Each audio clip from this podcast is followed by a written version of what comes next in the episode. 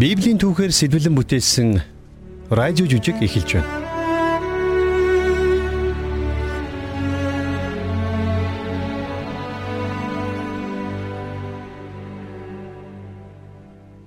Өнөөдөр бид Деважингийн найдвар гэсэн цуврал жүжигийнхээ Деважинд хүрэх зам хэмээх дугаарыг Библийн Ром болон Илчлэл номын 22 дугаар бүлгээс сэтгэлэн бүтээлээ.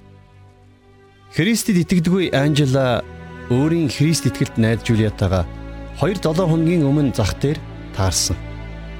Анжелагийн ээж нь саяхан өөд болсон учраас Анжела уйтгар гунигт автсан байсан. Хэдийгээр ээж нь итгэгч хүн байсан боловч Анжела ээжийнхээ бурханд итгэх итгэлийг ердөөсөө ойлгодгүй байжээ. Ээжийнхээ гэрийг цэвэрлж байгаад Анжела нэгэн Библи олж уншиж үзсэн боловч ердөөсөө ойлгож чадаагүй байна. Найз Жулияга Христэд итгэдэг гэдгийг мэдэх Анжела арга баран Жулиятай уулзсан. Ээжийнх нь өвхөл төгсгөл биш гэдэгт итгэхийг тэр хүсэж байсан. Нөгөөтэйгөр Анжела өөрийнхөө ирээдүйн төлөө санаа зовж байсан юм. Эхний 7 хоног Жулия Анжелад ээж нь одоо Диважинд Есүстэй хамт байгаа гэдгийг батлан хэлж өгсөн. Есүс Христийг аврагчаа эзнээ болгон хүлээн авсан хүн нэг бүр Диваажинд очих болно гэдгийг ч тайлбарлаж өгсөн. Тэд мөнхийн мөнхөд бурхныг алдаршуулж бидний төсөөлж чадхаас ч илүү гайхамшигтай баяр хөөртэй амьдралаар амьдрах болно гэдгийг бас хэлж өгснийг та санаж байгаа хаа. Харин өнгөрсөн 7 хоног Жулия Анжелад Есүс үхлээс 3 хоногийн дараа дахин амилсан тухай болон Христэд итгэгч бүх хүмүүс хожмын нэг өдөр алдрын биеийг хүлээн авах тухай тайлбарлаж өгсөн. За бас дээрэс нь Диважингийн талаар илүү дэлгэрэнгүй ярьж өгсөн байна. Нас барсан хүн болгон Диважинд очтгүй байна гэдгийг ч Анжела ойлгосон. Хэрвээ энэ чигээрээ байгаад байх юм бол өөрөө ч гэсэн Диважинд орж чадахгүй байна гэдгийг ч тэр ойлгож авсан байна. За тэгвэл өнөөдөр Жулия Анжелад хүмүүст хандсан бурхны төлөвлөгөө болон энэ ертөнцид гим нүгэл орж ирсэн тухай хүн төрлөختний гим нүглийн төлөөс болон Есүс амиа өгсөн тухай. Бурхантай эвлэрч, Бурхантай мөнхөд хамт байхын тулд хүн юу хийх ёстой вэ гэдгийг тодорхой ярьж өгөх болно. За тэгвэл өнөөдрийн дугаарт Жулия Анжелад хүмүүст хандаж зохиосон Бурхны төлөвлөгөө бас дээрэс нь энэ ертөнцид гим нүгэл хэрхэн орж ирсэн хүн төрлөختний гим нүглийн төлөөс болон Есүс хэрхэн амиа өгсөн цаашлах юм бол Бурхантай эвлэрч Бурхантай мөнхөд хамт байхын тулд хүн юу хийх ёстой вэ гэдгийг тодорхой ярьж өгөх гэж байна. Ингээд хамтдаа Диважинд хүрэх зам гэсэн шин дугаарыг хүлээн авч сонсцгоё.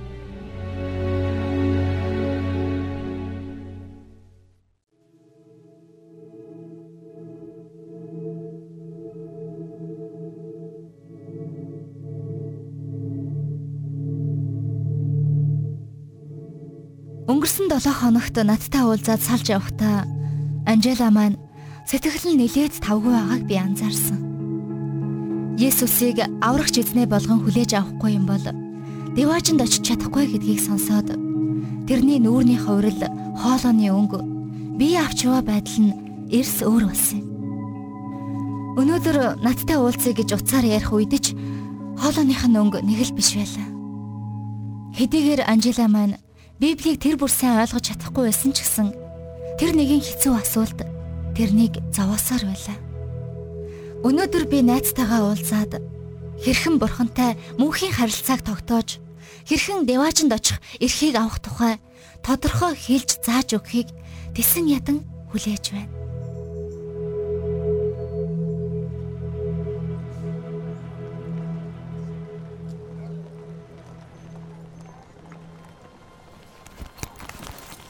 За сайн уу Анжела? Сайн сайн. Жулия би нөгөө чиний өнгөрсөн 7 хоногт ярьсан зүйлсийн тухай бодоод аха тэгээд э, найз нь юу ярьлаа?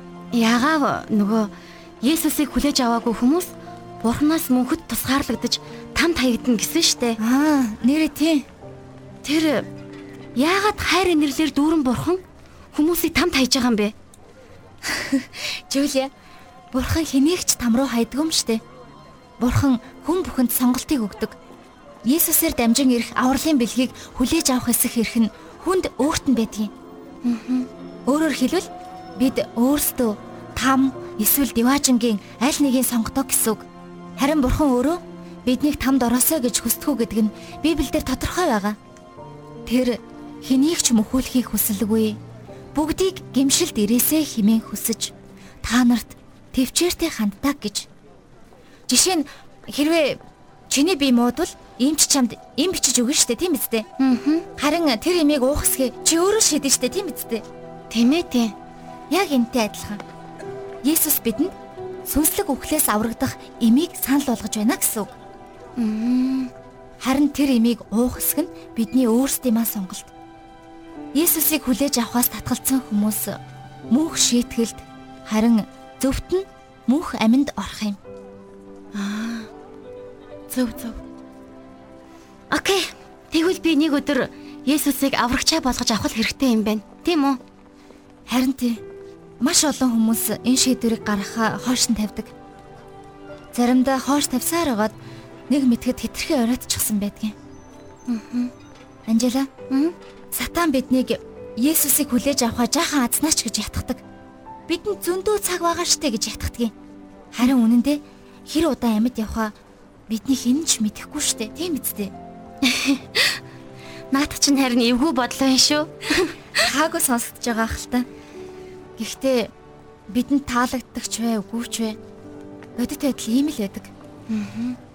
Хүмүүс Деважингийн талаар бас Есүстэй харилцах харилцааны талаар маш олон буруу бодолтой явдаг юм шиг. Бидэнд хангалттай цаг байна гэсэн бодол бас л ийм буруу бодлуудын нэг штэ.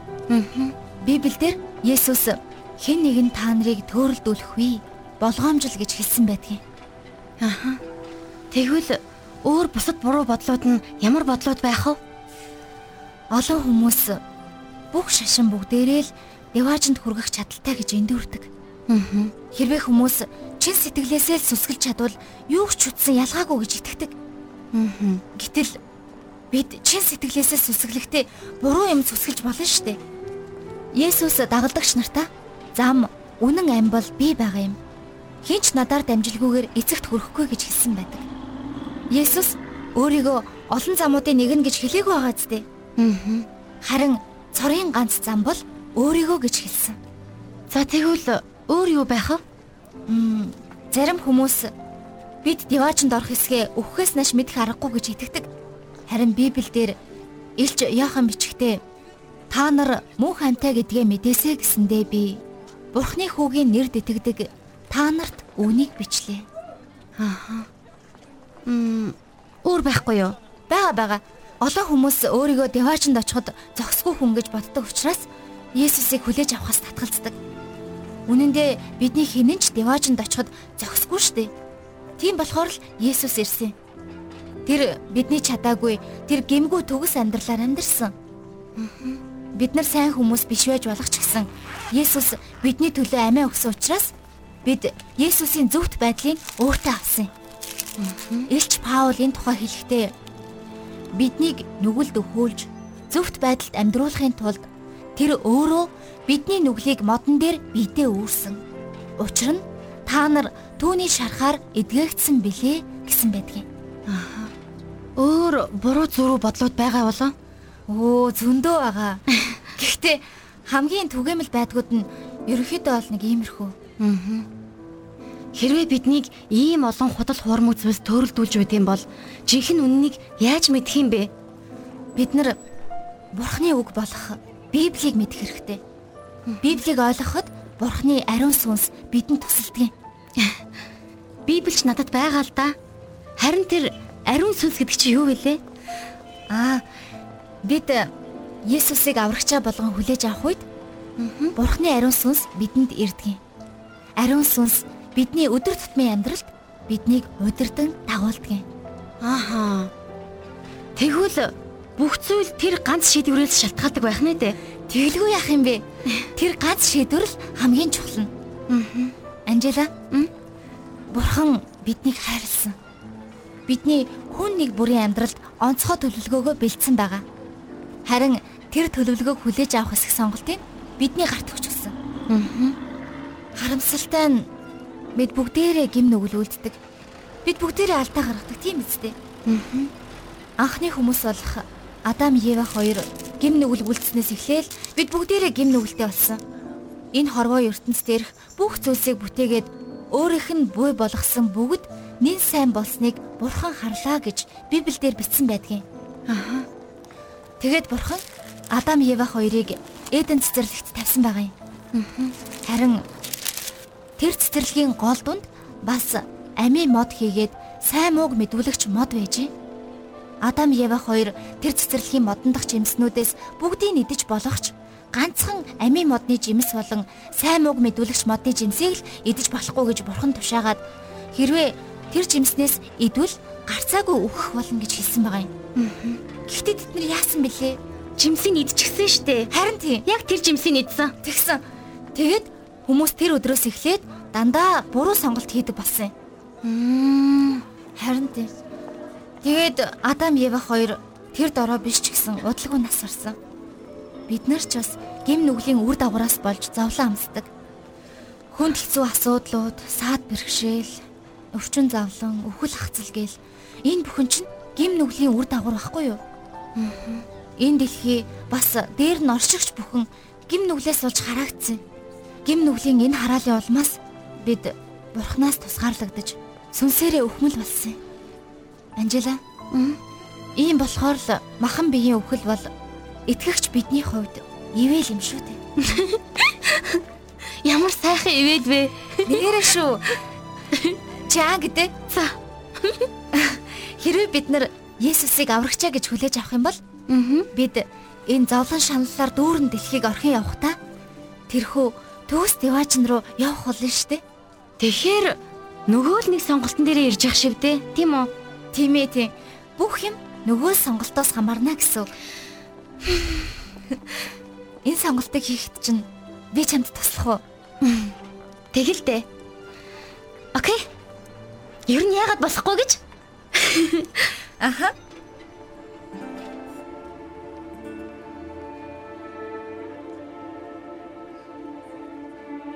Анжела маань дотроо өөртөөгөө тэмцэлцээр байгааг би мэдэрч байлаа. Хэдийгээр Есүстэй харилцаа тогтоохыг хүсэж байсан ч нөгөө талаас өөрийгөө бурханд бүрэн зориулахаас эргэлзэж, тэнэгэлзэж байлаа. Анжела маань Есүсээр удирдуулсан амьдралаар амьдрах уу? Эсвэл өөрийнхөө гэмт хүслээр удирдуулсан амьдралаар амьдрах уу гэдэг сонголтыг хийх ёстой болсноо ойлгосон юм. Өөрөөр хэлбэл там Диваажин хоёрын нэгийг сонгох ёстой болсон юм. Хэдийгээр энэ сонголтыг дараа хийхээр хоош тавьж болох ч маргааш юу болохыг хинч мэдэхгүй шүү дээ.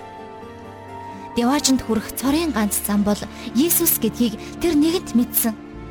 Бас хэрвээ Иесусыг дагах шийдвэрийг гаргах юм бол Диваажинд очих зам нь ч нэгдэн гэдгийг тэр мэдсэн юм.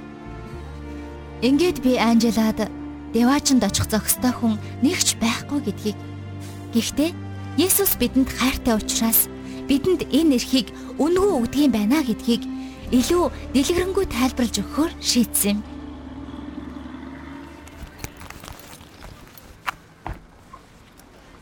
Чи ээжийнхээ библийг аваад ирсэн юм уу? Хамтдаа энэ библиэс уншиж болно шүү дээ. Ээж маань харсан бол баярлах байсан байх та.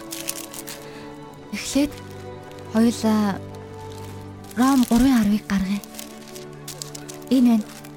Энийг унш та. Зөвхт хүн алга, ганц ч алга. Энэ ишлэлийг ойлгож ядаад байх юм алга байна, тийм ээ? Энэ үгийг батлахын тулд Паул энтэй төстэй үгийг дахиад хэлсэн байгаа. 23 дугаар ишлэлийг харъя. Энэ байна. Унш та бүгд нүгэл үйлдсэн тул Бурхны алдар сууд хүрдгвэ. Тэгэхээр бид нар бүгдээрээ баларна гэсэн үг үү? Яг тийм. Гэхдээ Паул бас нэг сайн мэдээг энд бичсэн байгаа. Ром 5:8-ыг гаргая. За тэгье. Гэтэл биднийг нүгэлтнүүд байхын л Христ бидний төлөө өгснээр Бурхан биднийг хайрлах хайраа харуулсан. Энэ үгийг миний найз ойлгож байна уу? Ойлгож явах шиг байна. Хэдийгээр бид нар гим нүгэлтэй бид нар бүгд Бурханы хайрыг хүртэх зохисгүй боловч Бурхан биднийг хайрлсан гэсэн үг. Тийм үү? Яг зөв. Бурхан биднийг маш их хайрлсан учраас бидний гим нүглийн төлөөсийг төлөхийн тулд загалмаа дээр өхүүлэхээр Есүсийг энэ дэлхий рүү илгээсэн. Одоо цааш нь Ром 6-гийн 23-ыг харъя. Чи энэ Ром номонд их дуртай юм а те? Дуртайч дуртай шүү. Зарим хүмүүс энэ номыг авралт хүргэх Ромын зам гэж нэрлэдэг. Сонирхолтой юм. За гаргачлаа. Учир нь нүглийн хөлс нь үхэл. Харин Бурхны бэлэг бол бидний эзэн Есүс Христ доторх мөнх ам мөн. Хөлс гэж юу вэ? Мэдхүү. Мэдлгүй яхав? Хийснийхээ хариуд авдаг зүйлийг хөлс гэдэг тийм биз дээ. Яг тийм. Тэгвэл Паулийн энд бичснээс харуул бидний амьдралд гим нүгэл байгаа учраас бид хөлсөнд нь үхлийг авдаг гэсэн үг. Тэгвэл бэлгийг бид яаж авдаг вэ? Хөдөлмөрлж авдаг уу? Үгүй. Бэлгийг чинь зүгээр л хэн нэгэн хүнд өгдөг үсттэй. Тэгэлгүй яах вэ? Уг нь бид гим нүглийнхээ төлөөсөнд Есүсийн амийг авах эрхгүй хүмүүс байсан. Бид тэр мөнхийн амийн бэлгийг авах зохисгүй хүмүүс байсан. Харин Есүс бидний гим нүглээс үл хамааран тэр бэлгийг бүх хүмүүст өгсөн. Хэрвээ жишээ нь би чамд бэлэг өглөө гэж бодвол яавал тэр бэлэг чинийх болох вэ? Би авбал минийх болох уу? Тэгин штэ. Яг тийм. Есүс бидэнд мөнхийн амийн бэлгийг өгдөг. Харин бид тэр бэлгийг хүлээж авах хэрэгтэй гэсэн үг. Дахиад нөгөө сонголтын дээр хүрээд ирлээ. Тийм ээ. Дахиад нөгөө сонголт. Одоо Ром 19-ийг бас 13 дугаар ишлэлийг гаргая. За. Хэрвээ та Есүсийг эзэн гэж амаараа хүлээн зөвшөөрч Бурхан түүнийг үхэгсдээс амьлуулсан гэдэгт зүрхэндээ итгэвэл аврагдах болно. Учир нь эзний нэрийг дууддаг бүхэн аврагдах болно. Ийм амархан гэж үү? Авралыг авахын тулд буян үлдэх ёстой гэж би бодсон юмсан. Ийм л амархан штэ, Анжела. Хэрвээ бид буян үлдээд диваачнд очдог байсан бол тэр их буйны хизээж үлдэж барахгүй байсан бэлгүй. Иесусийн бидний төлөө хийсэн бүхнийг хүртэх зохистой хүн гэж уг нь бол нэгч байхгүй.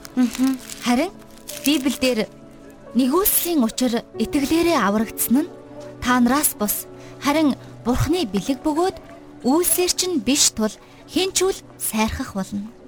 Учир нь бид сайн үйлсийн төлөө Христ Иесус дотор бүтээгдсэн түүний бүтээл мөн биднийг эдгээрийн дотор яваасаа гэж Бурхан урдаас бэлтгэсэн билээ. Ингиж бичигдсэн байдаг. Бурханы нэгүсэл бидний хүртэх хэсгүй зүйлийг бидэнд өгсөн тэр л нэгүсэл бидний итгэлтэй нийлэх цагт бид амьдралаа Бурханд зориулах шийдвэр гаргах тэр мөчөд бид авралыг авдаг байгаа юм. Бид нар Есүсийг дагах сонголтоо хийх үед бидний амьдрал, бидний үес, бидний энэ сонголтыг гэрэлтүүлэн харуулдаг. Бурхан биднийг өөрийн хайраараа дүүргэх үед бид ч бас Бурханы тэр хайрыг бүх дэлхийд хуваалцах тэр халуун хүслээр дүүрдэг гэсэн үг шүү дээ. Ингээл болоо юу? Авралын хувьд бол ингээл болоо. Харин итгэгч хүн бүрийг итгэлээр өсгөхийн тулд Библиэр дамжуулж Бурхан бидэнд мэрэгэн удирдамжаа өгдөг. Би л хувьдаа Библийг өдөр бүр уншихыг хичээдэг. Бид бас өдөр бүр бурханд хандан залбирч, бурхантай ярьж, бурхныг сонсож сурах хэрэгтэй. Бас бусад итгэгчдтэйгээ уулзалдаж, бурхнаас авсан тэр бүх бэлгүүдээ цаг зав, авьяас чадвар, мөнгө санхүүгээ бие биендээ зориулж тусалж дэмждэг юм. Тэгэхээр ерөнхийдөө бол бурхан анх бүх зүйлсийг төгс байдлаар бүтээсэн юм байна штэ. Ааха. Тэгээд гин нүглээс болоод тэр бүхэн нь будаа болсон байна. Тэгсэн Есүс бидний гим нүглийн төлөөсийг төлөхийн тулд ирсэн юм байна. Аа, яг зөв. Есүс итгэснээрээ бид нар Бурхантай харилцах боломжтой болж диваажинд очих эрхээ авах юм байна. Зөв үү? Яг наадхыг чинь л найз нь хэлээд байгаа юм штэ. Бурхны анхны тэр төгс төлөвлөгөөг олж мэдснээрээ бид Бурхны ирээдүйн төлөвлөгөөг олж мэдэх боломжтой болох юм. Аа. Хэрвээ чи санаж байгаа бол өнгөрсөн 7 хоногт хоёулаа Патм гэдэг арал дээр Яханд Есүсийн илчилж өгсөн тэр ишлэлтийн талаар уншсан дээ. Аха. Тэр хэсэг дээр Яхан өөр юу гэж хэлсэн байдаг вэ гэхээр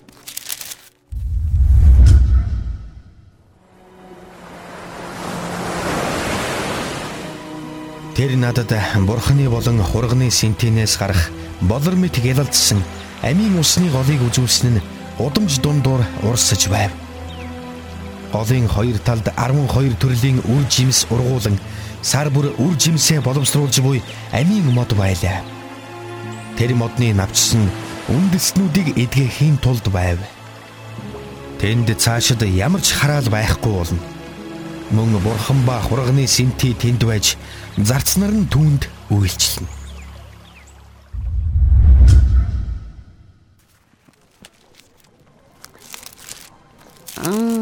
Чи түрүүн Адам Ева хоёрын тухай ярихдаа сайн мууг ялгагч модноос гадна амийн мод гэж хэлээд байсан билүү? Аа тийм.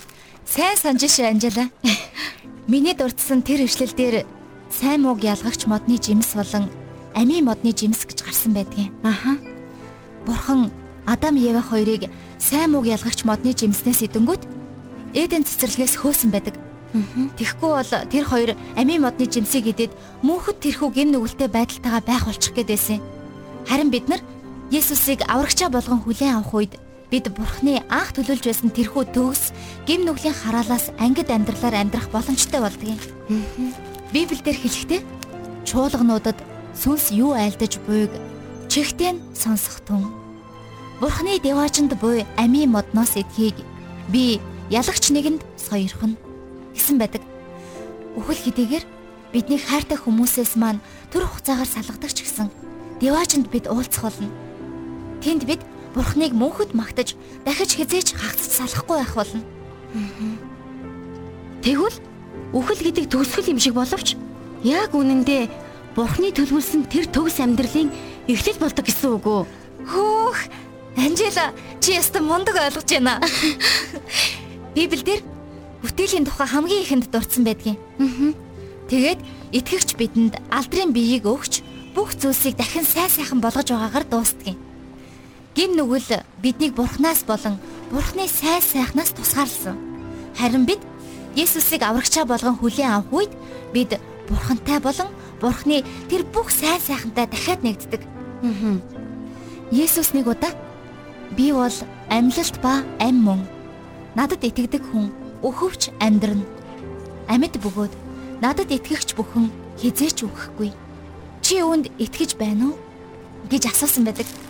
Патмарл дээр Йоханд Есүс өөр юг харуулсан байдгүй гэвэл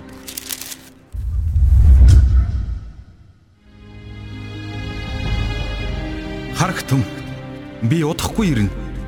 Хүн бүрд үйлснийхэн дагуу буцаан төлөх шагнал минь надтай хамт байгаа.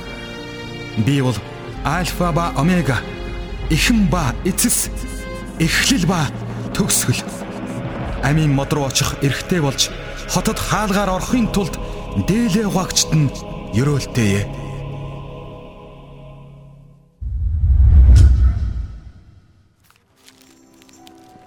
Яхан энд хэлэхдээ сүнс болон сүйт бүсгүй ирээрээ гин. Сонсогч нь ирээрээ гэж хэлэг. Цангасан нэгэн нь эрг. Хүссэн нэгэн нь амийн усыг үнгүй авг. гэсэн байна шүү дээ. Ойлгож байна Анжела? Есүс энд чамайг өөр лүгээ дуудаж байна шүү дээ. Чи энэ урилгыг хүлээж авах уу? Тийм ээ Жулия. Би энэ урилгыг хүлээж авч байна. Би Есүсийг өөрийн эзэн болон аврагчаа болгож хүлээж авахыг хүсэж байна.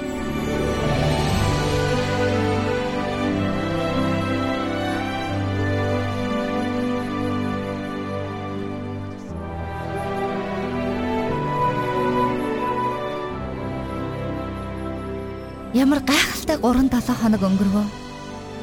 Анжела маань ээжийнхээ өвхлөөс болоод итгэл найдвар, урам зориг нь алдарсан байсан шүү дээ. Дахиж ээжтэйгээ уулзах итгэл алдарсан байсан.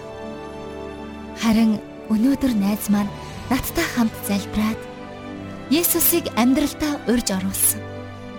Ингээд найз маань Есүс болон хайртай ээжтэйгээ мөнхийн мөнхөд деваачнд байх итгэл найдварыг тээх болсон билээ.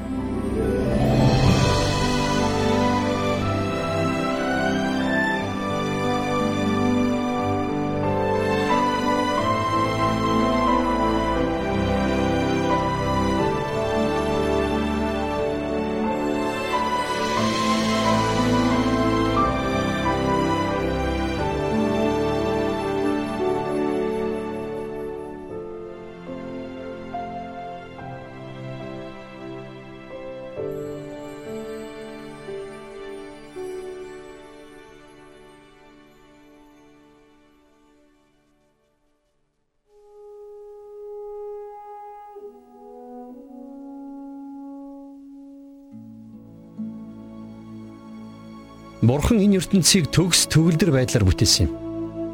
Бурхан хүн төрлөختнийг бүтээхдээ тэдэнд чөлөөтэй хүсэл, чөлөөт сонголтыг өгсөн байсан. Тэгтэл Адам Ева хоёр гим нүгэл үйлдэх сонголтыг хийсэнчлэн бид нар ч гэсэн бас өнөөдөр гим нүглийг үйлддэг. Гим нүглээс болоод энэ дэлхий дээр үхэл зовлон ирсэн. Бас гим нүгэл бидний бурхантай харилцах харилцааг тасалж бид сүнсээрээ үхсэн. Гэхдээ Библи бидэнд хэлэхдээ Бурхан ертөнцийг үнэхээр хайрласандаа цорын ганц хүүгээ өгсөн тул хүүд итгэдэг бүхэн мөхөхгүй харин мөн хамтай болно гэж амласан байна. Хэрвээ бид нар Анжела шиг Есүс Христийг аврагч эзнээ болгон хүлээн авах юм бол бид бүгд мөнх амьдралыг хүлээн авч бурхантай хамт мөнхөд байх тэрхүү эрхийг олох болно гэсэн үг. Гол нь бид нар өөрсдөө зөв сонголтыг л хийх хэрэгтэй. Библиэлд олдож болох үед нь эзнийг хайхтун ойр байгаа дээр нь түүнийг дуудах туун гэж бичсэн байдаг. Яг үнэндээ маргааш юу болохыг хэн ч мэдэхгүй шүүд. Тиймээс харахтун одоо авралын өдөр байна гэж Библи бидэнд сануулж байна. Бурхан та бидний гим нүглийг уучлах тэр арга замыг бидэнд өгсөн байна. Энэ бол Бурханы хүү Есүс Христ. Бурхан Есүс Христийг Тэнгэрээс газар дэлхий рүү та бидний аврагч болгон илгээсэн. Христ Есүс нүгэлтнүүдийг аврахаар ертөнцид ирсэн гэдг нь итгэмжид бөгөөд бүрэн зөвшөөрөхөд зохистой үг мөн гэж хожим нь Илч Паул бичсэн байдаг. Есүс Христ онгон Мариас мэндэлсэн. Тэр гим нүгэлгүй төгс амьдралаар амьдарсан. Библиэлд хэлэхдээ учир нь ганц бурхан байдаг. Мөн бурхан ба хүмүүсийн хоорондох ганц зууч хүмүүн болох Христ Есүс байна гэж бичсэн байна. Тэгэхээр зөвхөн Есүс Христээр дамжуулан бид нар гим нүглээ уучлуулах боломжтой. Яг үг гэвэл Есүс та бидний гим нүглийн төлөө загалмай дээр өөр амиа өгсөн. Тэр бидний өмнөөс гим нүглийн шийдэглийг үүрсэн гэсэн үг. Дэлж Паул хэлэхдээ Христ бидний нүглийн учир өгсөн бөгөөд оршуулгдан бичээсийн дагуу 3 дахь өдөртөө амьлуулагдсан гэж баталгаажуулан бичсэн байна. Тэгэхээр Есүсийн бууж хоосон байсан. Тэр өхлөөс амилсан. Тэр мөнхийн мөнхөд амьд байгаа. Түүнд бидний амьдралд орж ирэн бидний гим нүглийг уучлан бидэнд мөнхийн амийг өгөх хүч чадал оршин байгаа. Гим нүглийн уучлал мөнхийн амьдрал гэдэг бол Бурханаас бидэнд үнгүй өгөгддөг бэлэг юм. Бид нар энэхүү бэлгийг өөрсдийнхөө сайн үйлс буян бүтээх замаар хүлээн авах боломжгүй. Бид нар энийг Бурханаас бэлэг болгон үнгүй хүлээж авсан.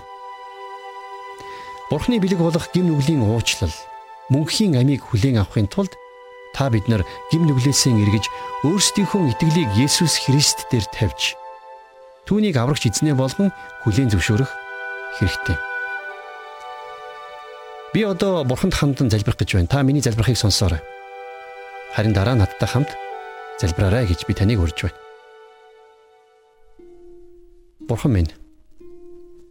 Би гим нүгэлтэй гэдгээ мэднэ. Харин Иесус Христ миний тэр бүх гим нүглийн төлөө амиа өгсөн юм а гэдэгт би итгэж байна. Есүс үхлээс амилж өнөөдөр ч гэсэн амьд байгаа гэдэгт би итгэж байна. Би өнөөдөр өөрийнхөө гим нүглээсээ эргэж байна зөвхөн Есүс Христээр дамжуулан миний гим нүгэл уучлагдах болно гэдэгт итгэж байна. Би Есүс Христийг өөрийн аврагч эзэн хэмээн хүлээн зөвшөөрч байна. Энэ өдрөөс эхлээд би түүнийг дагах болно. Эзэн Есүсээ намайг хайрлаж миний амьдралд ирсэн таньдаа талархаж байна. Амен. За харин одоо та энэ залбирлыг намайг даган давтан хэлээрэй. За ингэж хэлэхдээ та харин өөрийнхөө чин зүрхнээсээ бурханд хандан хэлээрэй. Бурхан минь. Би гим нүгэлтэй гэдгээ мэднэ. Харин Есүс Христ миний тэр бүх гим нүглийн төлөө амиа өгсөн гэдэгт би итгэж байна. Есүс үхлээс амилж өнөөдөр ч гэсэн амьд байна гэдэгт би итгэж байна. Би өнөөдөр өөрийнхөө гим нүглээс эргэж байна.